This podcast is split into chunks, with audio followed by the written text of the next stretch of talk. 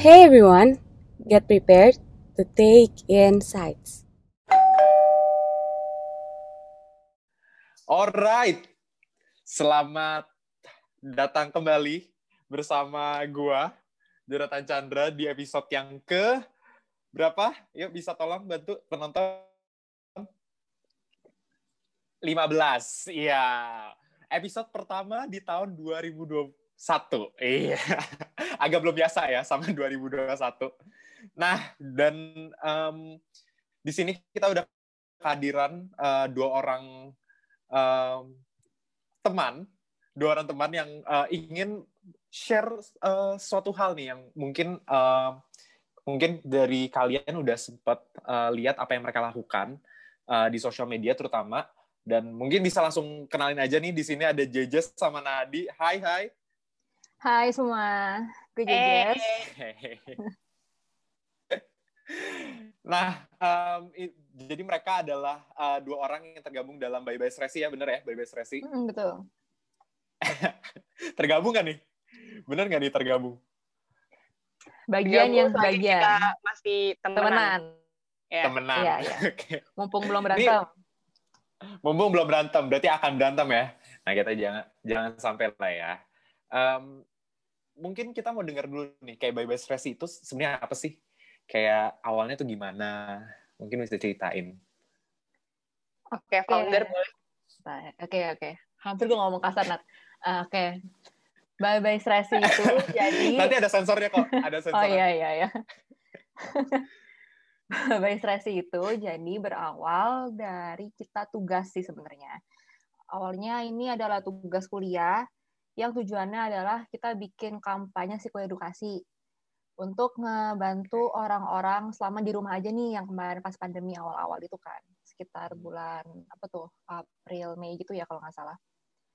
Nah eh, setelah tugasnya sudah selesai kita mikir nih eh, sayang kan kalau kita ninggalin aja si Babes Resi ini. Betul. Akhirnya kita sempat bawa nama si Babes Resi ini di beberapa project. So far ini sih Babes Resi udah punya workbook. Jadi ini tuh Oke. workbook yang bisa dipakai untuk mengelola stres selama di rumah. Ini untuk anak kecil ada, untuk remaja bisa, untuk dewasa bisa, untuk lansia bisa, gitu-gitu. Terus selain itu, Mbak Best Resi sekarang juga punya podcast nih, meskipun baru baru banget, baru dua episode gitu. So far sih, Oke. itu sih dari diri kita. Apalagi ya, Nat, yang bisa ditambahin? Sebenarnya siapa sih kita? Apa ya? Udah sih itu aja kalau Babe Stressy mah. Oke. Dan workbooknya bisa kita akses dari mana nih? Dan kayak apakah bayar Oh. atau gimana? Workbooknya ini free, jadi kita sediain PDF-nya, tinggal buka link di Instagramnya Babes Resi sih. Jadi itu bisa Oke. langsung dibuka aja, tinggal di-download, terus bisa kerjain. Bisa di-print ataupun bisa langsung bikin juga bisa. Nggak masalah. Oke. Free ya berarti ya? It's all Free. free. Hmm. Karena kalau saya bayar mungkin bisa menambahkan stres lagi dari eh, biayanya ya. Ya. Oke, dan eh, berarti Baby Stress ini udah sekitar berapa tahun berjalan? Kayak Hmm, belum nyampe setahun sih, belum nyampe setahun belum nyampe sih. setahun ya? Semester lima. Oke. Ya, sekitar Ya. bulan April, Mei gitu deh kalau nggak salah. Gue juga lupa, maaf. Hmm. Dan kenapa stres kalau boleh tanya? Kenapa akhirnya mengangkat Oke. eh, isu stres nih? Stres tuh mungkin hal yang paling umum dialamin kali ya sama semua orang. Kayak lu nggak harus jadi anak psikologi pun pasti lu pernah yang ngalamin stres gitu loh. Lu tahu lu sekarang lagi stres gitu. Dan kenapa kita awalnya milih topik stres? Karena kan awal-awal pandemi tuh kesannya kayak nggak ada yang pasti gitu ya. Kita nggak tahu mau selesai pandeminya kapan. Kita di rumah doang nggak tahu mau ngapain. Udah mulai gumoh iya, jenuh banget Betul. iya. Dan itu kan rentan banget buat seseorang yang ngalamin yang namanya stres. Sebenarnya gitu sih. Gue setuju sama Jajas karena dia partner gue. Oke. Kalau nggak setuju nanti agak panjang ya podcastnya ya. Iya, bener banget. Benar, benar, benar, benar, benar, benar. Oke, dan eh, setuju banget sama yang tadi Jajas bilang kayak eh, akhirnya kenapa juga kita ngundang kalian di sini dan kenapa ini bakal ini kita eh, putuskan untuk jadi episode pertama di awal tahun 2021 ini karena kita mikir uh, di tahun 2020 kayaknya banyak banget hal yang terjadi. Uh, banyak hal yang nggak terduga, banyak hal yang kayaknya bikin kita tertekan, terutama uh, tingkat stres meningkat. Kayak banyak research yang udah bilang kayak gitu gitu. Dan akhirnya kita mikir um, untuk kita bisa menghadapi itu, kita harus lebih tahu dulu kayak ini tuh sebenarnya apa, apa gimana harusnya kita uh, mensiasati dan menanggapi dan meresponi ini. Jadi uh, ini kayak lebih ke survival kit gitu sih buat kayak prepare yourself 2021 mungkin akan lebih banyak lagi nih hal yang terduga. Kayak kita nggak tahu bahkan uh, kayak kemarin berapa bulan yang lalu dibilang kayak sekolah bisa mulai masuk. Tapi kayak berapa bulan kemudian kayak bilang lagi sekolah nggak masuk. Jadi kayak kita kan kayak nggak ada kepastian sama sekali kan, which is itu pun juga bisa ngasih uh, trust tersendiri gitu. Dan kalau sih kita mau tanya nih uh, for the first question yang uh, mau kita tanyain kayak stres itu sebenarnya apa sih kayak stres tuh sering banget kita denger kan tapi kayak stres sendiri itu sebenarnya apa sih uh, kalau gue jawab uh, jadi stres itu kan respon kita terhadap uh, lingkungan kita di mana stres ini tuh bisa terjadi kalau ketika kita nilai lingkungan tuh terlalu memberatkan atau terlalu menekan atau enggak ketika uh, lingkungan ini menuntut kita untuk melakukan sesuatu yang melebihi dari kemampuan kita. Nah, itu bisa terjadi yang namanya stres gitu. Uh, eh, gue kasih contoh aja kali ya. Okay. Tadi kan si Nadi bilang sebenarnya jadi kalau misalnya ada suatu hal yang kita nilai kita itu ada tantangan buat kita gitu kan ya kali ya itu bisa jadi stres.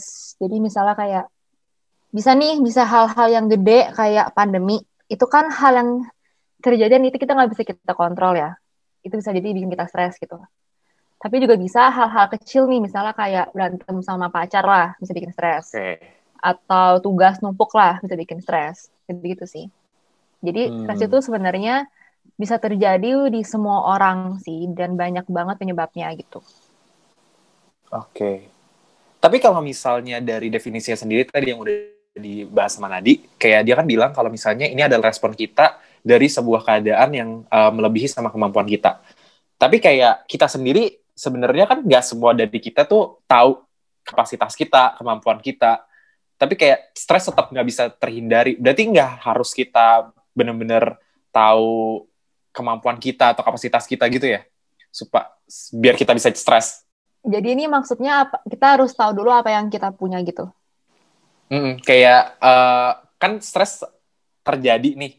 Mm, dan kayak itu melebihi kemampuan kita. Kayak berarti uh, kita nggak tahu kemampuan kita pun juga stres bahkan tetap bisa terjadi mm, dong ya. yeah tapi harusnya bahkan itu bisa bikin kita kita balik aja gitu. Kita harusnya bisa tahu kemampuan kita nggak sih dengan kita apa yang hmm. kita alamin. Sebenarnya nggak semua stresor itu nggak semua hal yang bikin stres tuh bisa lu kontrol kan. Jadi hmm. di saat lu nggak bisa kendaliin masalah yang bikin lu stres ini, yang bisa lu lakuin mungkin adalah uh, membantu diri lu sendiri nih. Gimana sih caranya gue ngadepin ini gitu. Nah, kalau misalnya dari stresnya ini sendiri, kayak ada nggak sih jenis-jenisnya? Kayak uh, apakah kalau misalnya, uh, iya dari stresnya sendiri, apakah ada yang kayak severe atau yang kayak biasa atau ada yang hmm. kayak uh, positif atau negatif? Kayak gimana? Hmm, mungkin lihatnya pakai uh, spektrum kali ya, Jess. Uh -uh. Kayak ya, jadi mungkin bukan bukan tipe doang kali ya, tapi lebih ke spektrum gitu. Hmm, hmm, hmm. Mungkin Uh, sebenarnya teorinya ada banyak nih. Mm-hmm. Cuman yang biasanya gue sama Nah dipakai tuh uh, eustress sama distress namanya. Oke. Okay. Jadi kalau eustress itu ibaratnya kayak stres yang ngasih dampak positif ke lo gitu. Mm-hmm. Contohnya, contoh sederhana deh, sebagai mahasiswa psikologi yang banyak banget tugasnya.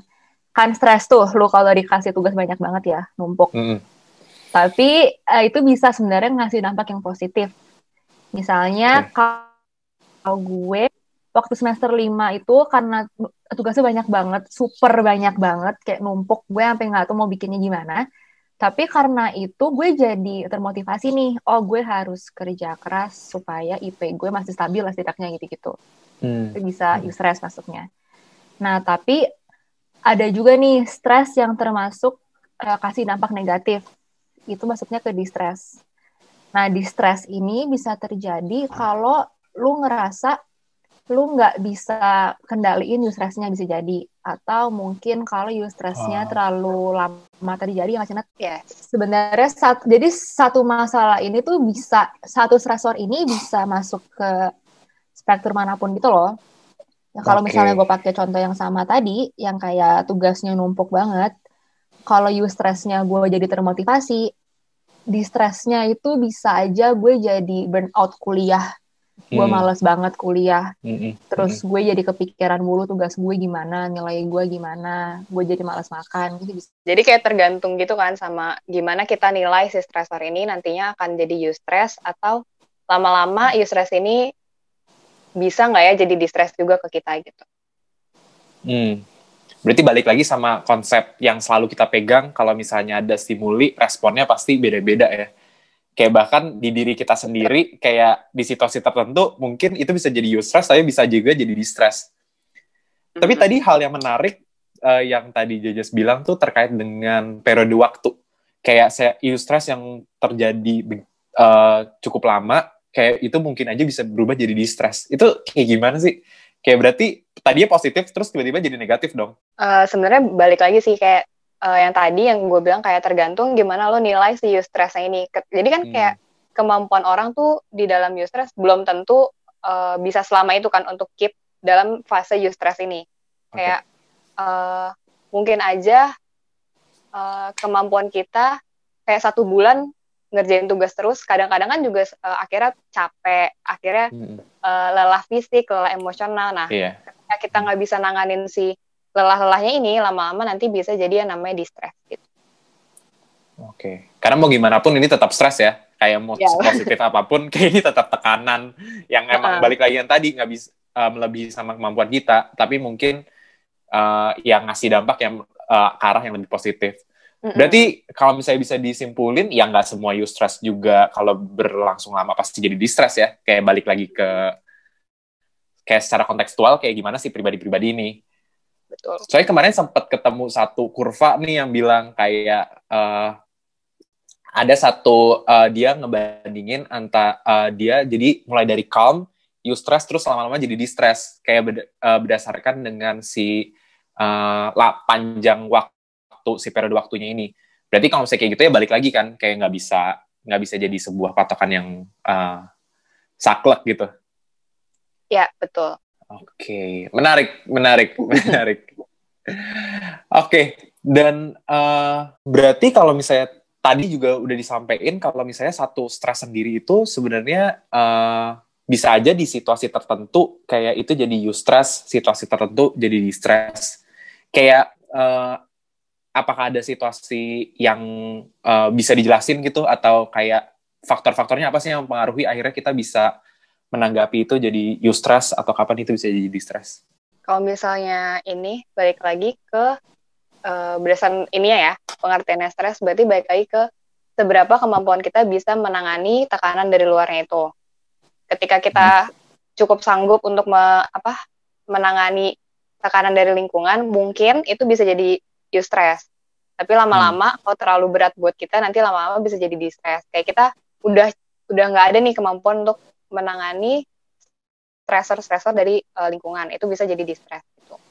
Atau mungkin juga ada kayak contoh eh, distress yang kayak semua orang nih mirip nih punya kayak misalnya ketika ada eh, ketika kalian sakit itu kan agak jarang ya itu jadi eustress kayak Hmm. ketika kita sakit terus semuanya numpuk apa dan sebagainya lama-lama bisa eh, jadi distress buat kita nah itu kadang ada eh, kejadian bukan kejadian apa ya event-event yang eh, umumnya jadi distress gitu. Ada juga event-event yang umumnya jadi eustress kayak misalnya eh, punya kerjaan baru atau dapat tugas kuliah yang eh, buat lo menantang kayak gitu juga bisa termasuk ke eustress Oke, dan kalau misalnya kita lihat nih, kayak apakah cuman eustress yang bermanfaat buat kita? Kayak apakah distress tuh nggak, eh distress tuh sebenarnya ada manfaatnya nggak sih kayak buat kita? Soalnya kan kalau eustress kan jelas, maksudnya itu emang punya dampak yang positif ke kita.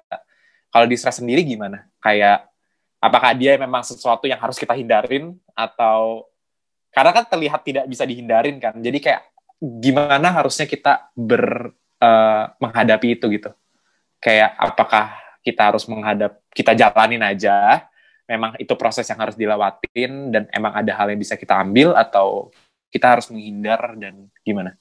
Uh, gimana ya soalnya sebenarnya tuh stres adalah suatu hal yang rentan banget semua orang kan dan menurut gue lu punya opsi untuk menghindar ataupun langsung ngadepinnya gitu loh.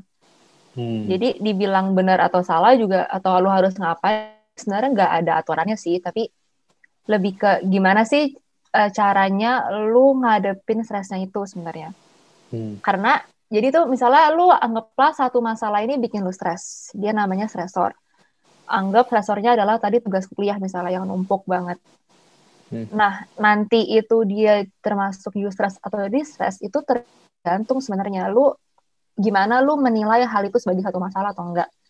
Hmm. Contoh, gue adalah gue nggak suka banget metes, jujur gue nggak suka banget metodik tes hmm. tapi mungkin untuk beberapa orang mereka suka banget gitu loh mereka suka yang bawain nama mereka suka banget yang namanya bawain alat tes gitu loh.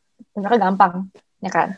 Jadi mungkin untuk beberapa orang ini bisa jadi stress karena mereka termotivasi untuk jadi the best gitu loh. Hmm. mereka pingin banget nunjukin yang paling bagus pas di depan pas mereka lagi bawain materi gitu atau lagi bawain alat tesnya. Sedangkan kalau buat gue itu di stress gitu. Karena hmm. mungkin dari gue nya sendiri gue rasa gue nggak mau gitu itu yang dimaksud mungkin dari sumber daya yang kita punya kali ya. Jadi hmm. kalau ditanya faktor apa yang mungkin bisa mempengaruhi kita gitu mungkin juga itu dia bisa sih. Jadi kita sebenarnya bisa nggak? Kita suka nggak? Kita punya kemampuan untuk untuk ngelakuin ini nggak? Gitu-gitu.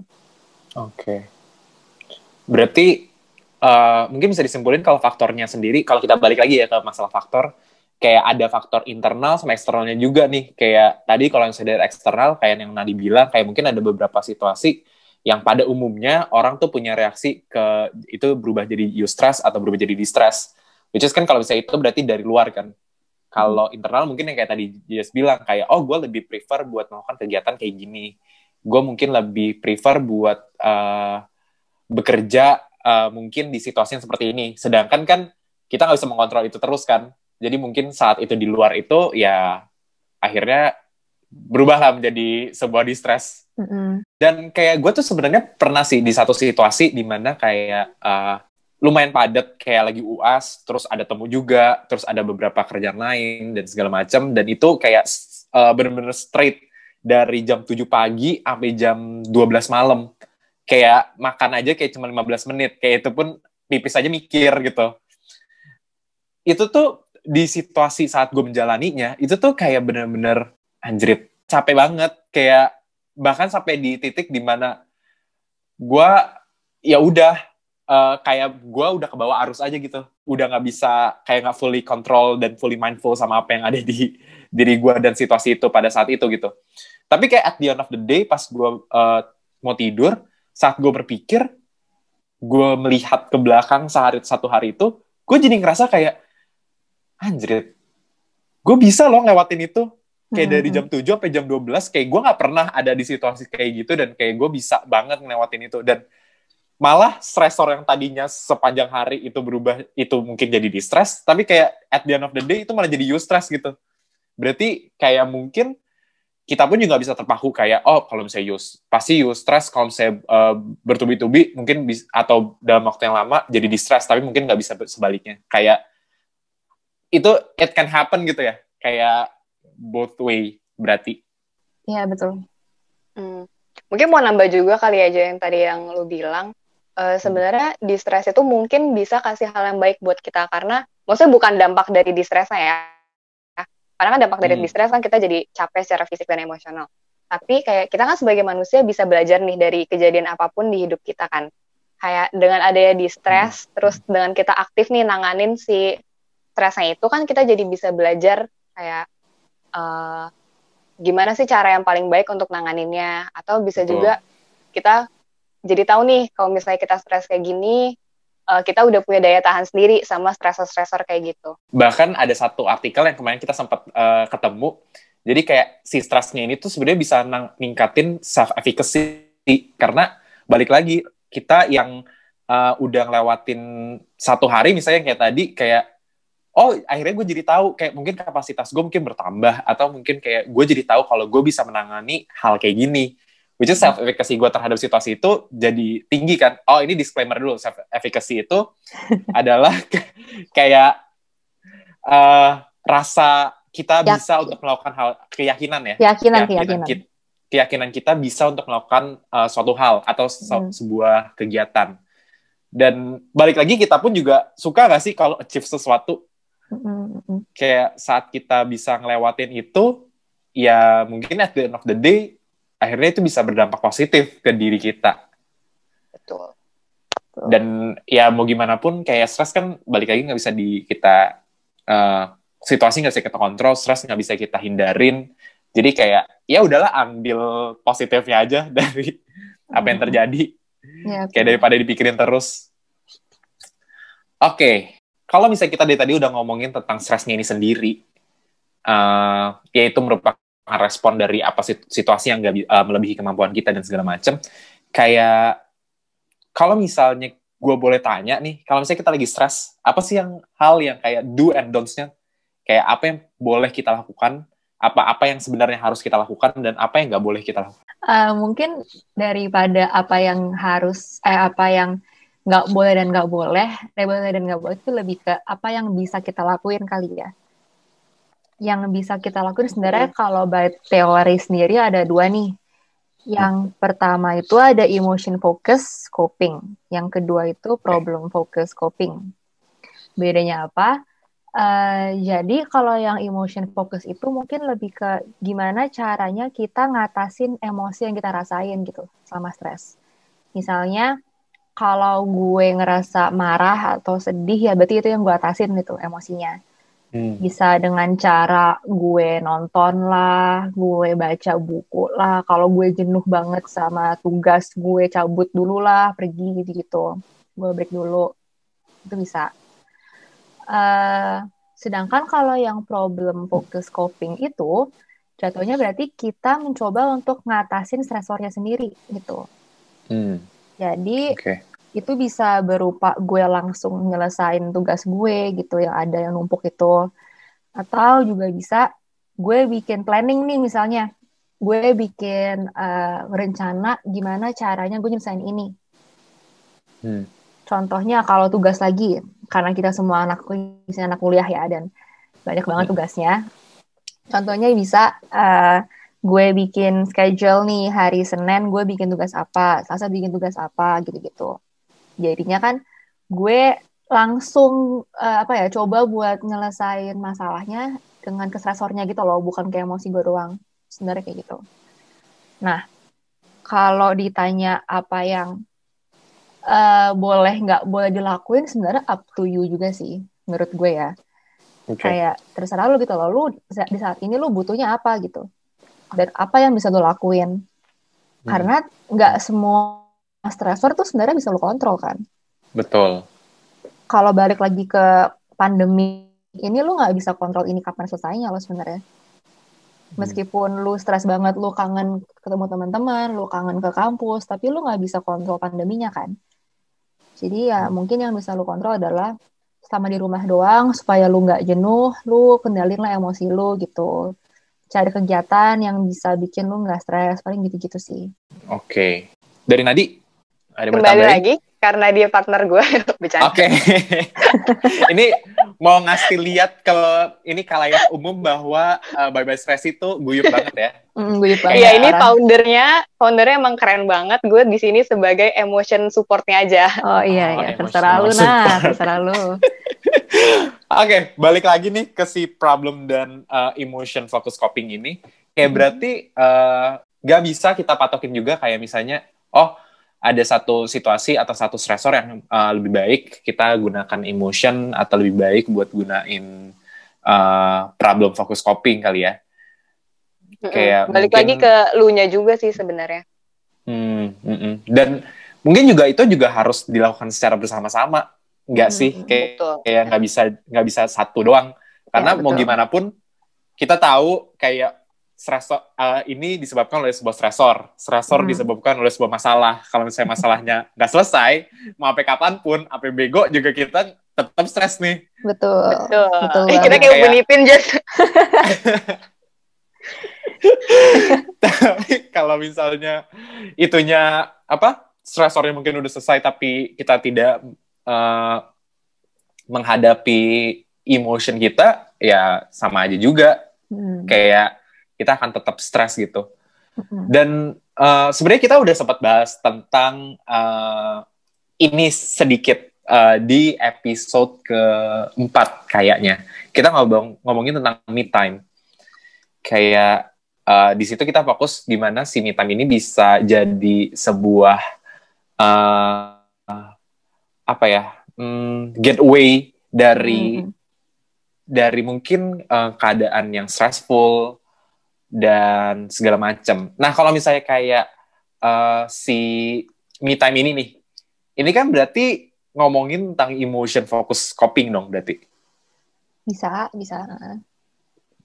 Jadi kayak kita lebih fokus sama apa sih yang membuat eh, daripada kayak kita menghilangkan emosi negatifnya mungkin lebih ke meningkatkan emosi positifnya kali ya. Hmm. Nah kalau gue mau tanya kayak kalian tuh ada gak sih kayak sebuah kegiatan khusus gitu buat eh, this kind of thing Hmm. buat buat menghadapi ini buka buat diri, Jess. bisa denger nih bisa denger nih semua semua teman-teman di luar sana kayak ini si bye bye stresi sendiri nih kayak menghadapi stresnya tuh gimana sih Oke. Nat lu, Nat. ini agak pop up ini ya agak Lumayan. impromptu ya pertanyaannya Jess, mau show your true colors nggak? Shush, dia Nat, dia. Eh, gini, gini. Jadi, sebagai mahasiswa semester akhir, yang sekarang berarti lagi ada kerjaan tempat magang, harus ngurusin babes resi, eh, ngurusin seminar slash skripsi ini bentar lagi.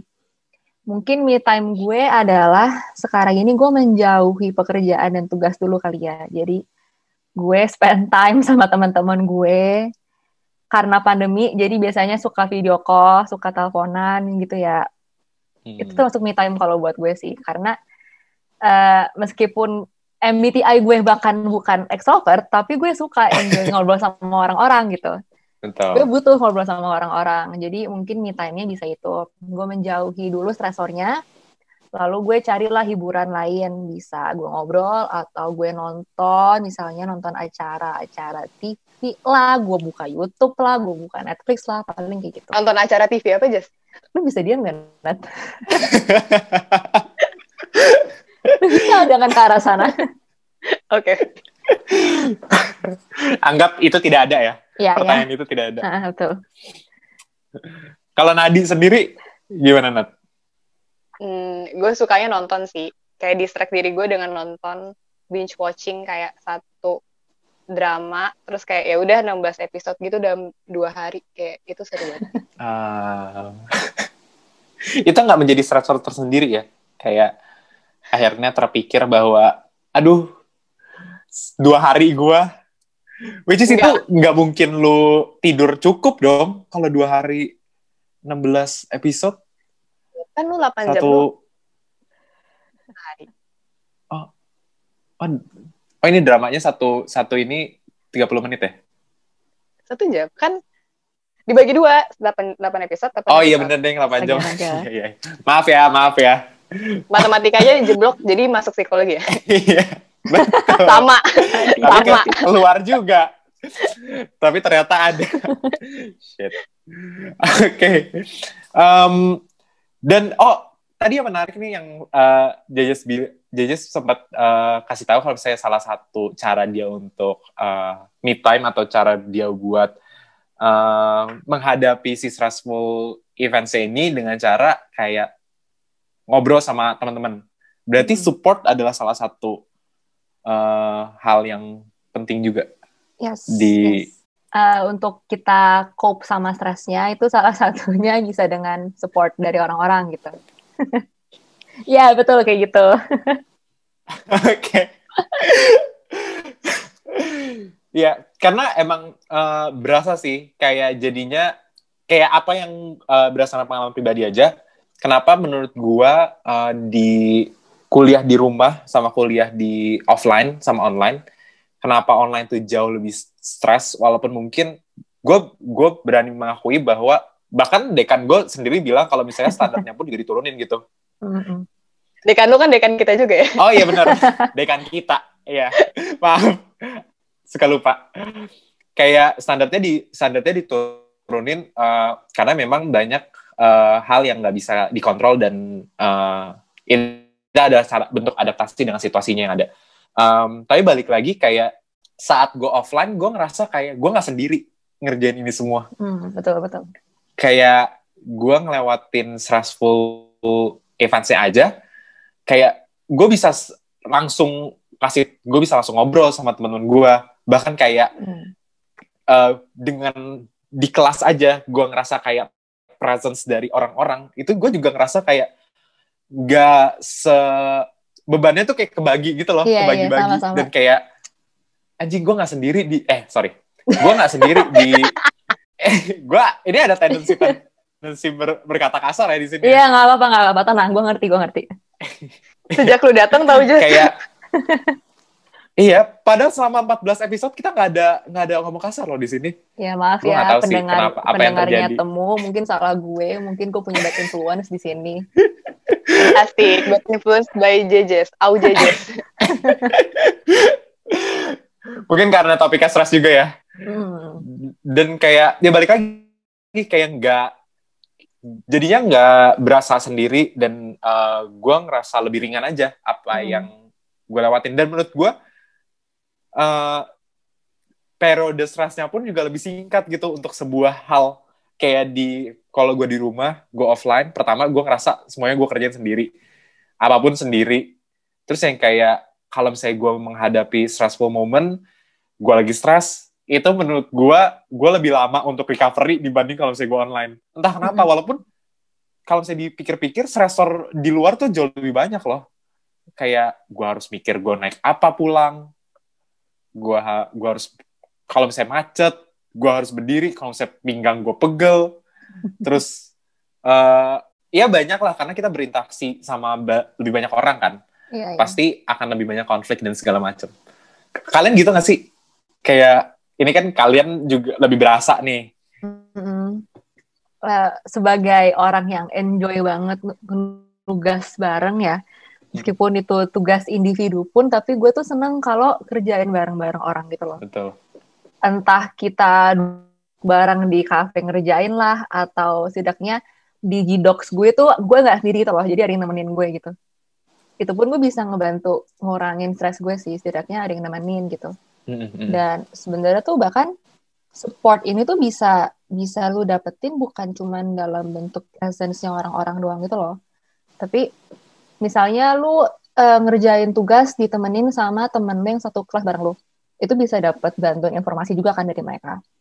Entah informasi gimana cara ngerjain tugasnya lah, entah lu dikasih emotional support dalam bentuk lu di disemangatin dari tempat gitu loh atau bahkan misalnya nih si Nadi kadang ngasih gue dukungan juga dalam bentuk material sih teman-teman jadi dia kadang ngasih gue minuman gitu ya dia kadang ngasih ah, gue oke okay. Receiving gifts banget boleh ya. tektokan dulu? Kalau mau bohong boleh kita tektokan dulu gue kaget. Ya kan kalau misalnya lu tadi kayak lu suka nonton kayak lu lebih suka nonton binge watching dan segala macam kayak apakah su support system tetap uh, berperan besar gitu di your coping mechanism? Hmm, pasti sih, apalagi kayak uh, misalnya kan sekarang gue semester 7 ini udah lagi seminar kan. Terus itu kayak hmm. pertama kalinya lo bikin penelitian sendiri, nggak bareng kelompok. Terus kayak itu kerasa banget tuh, kayak kesepian kok kayak gue sendirian. That's why kayak ah, iya. beberapa kesempatan gue suka ngajak Jejes buat Jes mau nggak uh, either feedbackin atau enggak nemenin gue seminaran atau enggak nemenin digidoksnya lah gitu buat jadi kayak yang penting ada jejes gitu. Oke. Menarik tuh, bisa dicoba tuh. Kayak tapi emang susah sih karena uh, di, ini juga for, for, for your information buat teman-teman sekalian yang mungkin yang mendengarkan dan bukan uh, mahasiswa psikologi terutama dari kampus kita. Kayak budaya di kampus kita adalah kayak dari semester 1 sampai semester 6 mungkin kayak banyak banget eh, nggak uh, banyak hampir semua tugas tuh kelompok. Kayak semuanya kelompok. Mau gue suka sama kelompoknya mau enggak mau mulai dari milih sampai enggak kayak semuanya kelompok dan kayak gue jadi sadar juga sih kalau misalnya tiba-tiba dilepas di semester 7 gitu pasti ada shock tersendiri dan harus ada adaptasi tersendiri gak sih? Setuju. Jadinya. Oke. Okay. Cuma setuju aja ya. Nggak ada yang lebih ini respon yang lebih antusias gitu atau betul lebih... betul betul betul kayak Upin okay. Ipin kita kita hari ini temanya ada Upin Ipin saya Upin dan saya Ipin eh gitu dong nggak mau nggak mau ah aneh lu ya okay, jadi jadi uh, inilah uh, wajah-wajah dari Babes Resi. Iya. Mungkin uh, mereka kehilangan beberapa bagian dari diri mereka selama mereka bekerja. Oke, okay, uh, kita udah sebenarnya udah ngobrol sekitar 40 menitan lebih nih, and it's a really insightful conversation for me. Terutama menurut gue ini bakalan sangat insightful dan bakalan bantu banget buat teman-teman sekalian yang buat ngadapin 2021 yang mungkin terlihat cukup menyeramkan, tapi mau gimana pun besok akan tetap ada kalau memang kita diizinkan untuk bangun besok. ya besok harus Agak kita ya. lewatin. Ya. so ya khawatir enggak juga mau kita khawatir segimana pun juga tetap harus dilewatin juga kan. Jadi uh, ya semoga membantu sih. Dan uh, sebenarnya kan kita punya slogan nih kayak hashtag uh, take insights. Nah, biasanya kalau misalnya kita uh, mengundang guest ke sini, at the end of uh, the conversation, kita mau nanya nih, kayak what kind of insight yang kalian dapetin di conversation ini? Kayak kalau gue, personally, gue jadi uh, tahu banget kalau uh, semua ini, itu tuh sebenarnya balik lagi ke kita as individu. Kayak reaction yang reaction dari kita yang sebenarnya mem membuat ini jadi hal yang positif atau negatif. Mm. karena situasinya memang nggak bisa kita kontrol kan. Kalau dari kalian gimana?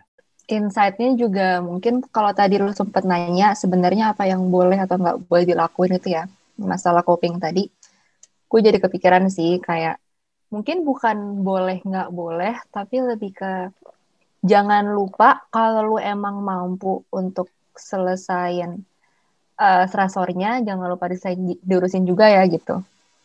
Kayak hmm. tadi misalnya ada dua kan, emotion sama problem focus gitu. Kalau lu emang mampu untuk nyelesain tugasnya, please selesain juga gitu.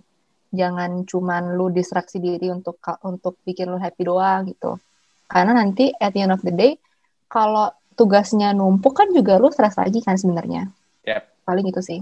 Kalau dari gue mungkin mirip ya sama Jess karena kita udah oh, satu kepala, okay. satu otak. Benar, benar, benar, benar. benar. Tapi kalau dari gue mungkin udah udah guyup banget balik lagi ya membangun benar, iya. guyup uh, dari Babes Racing.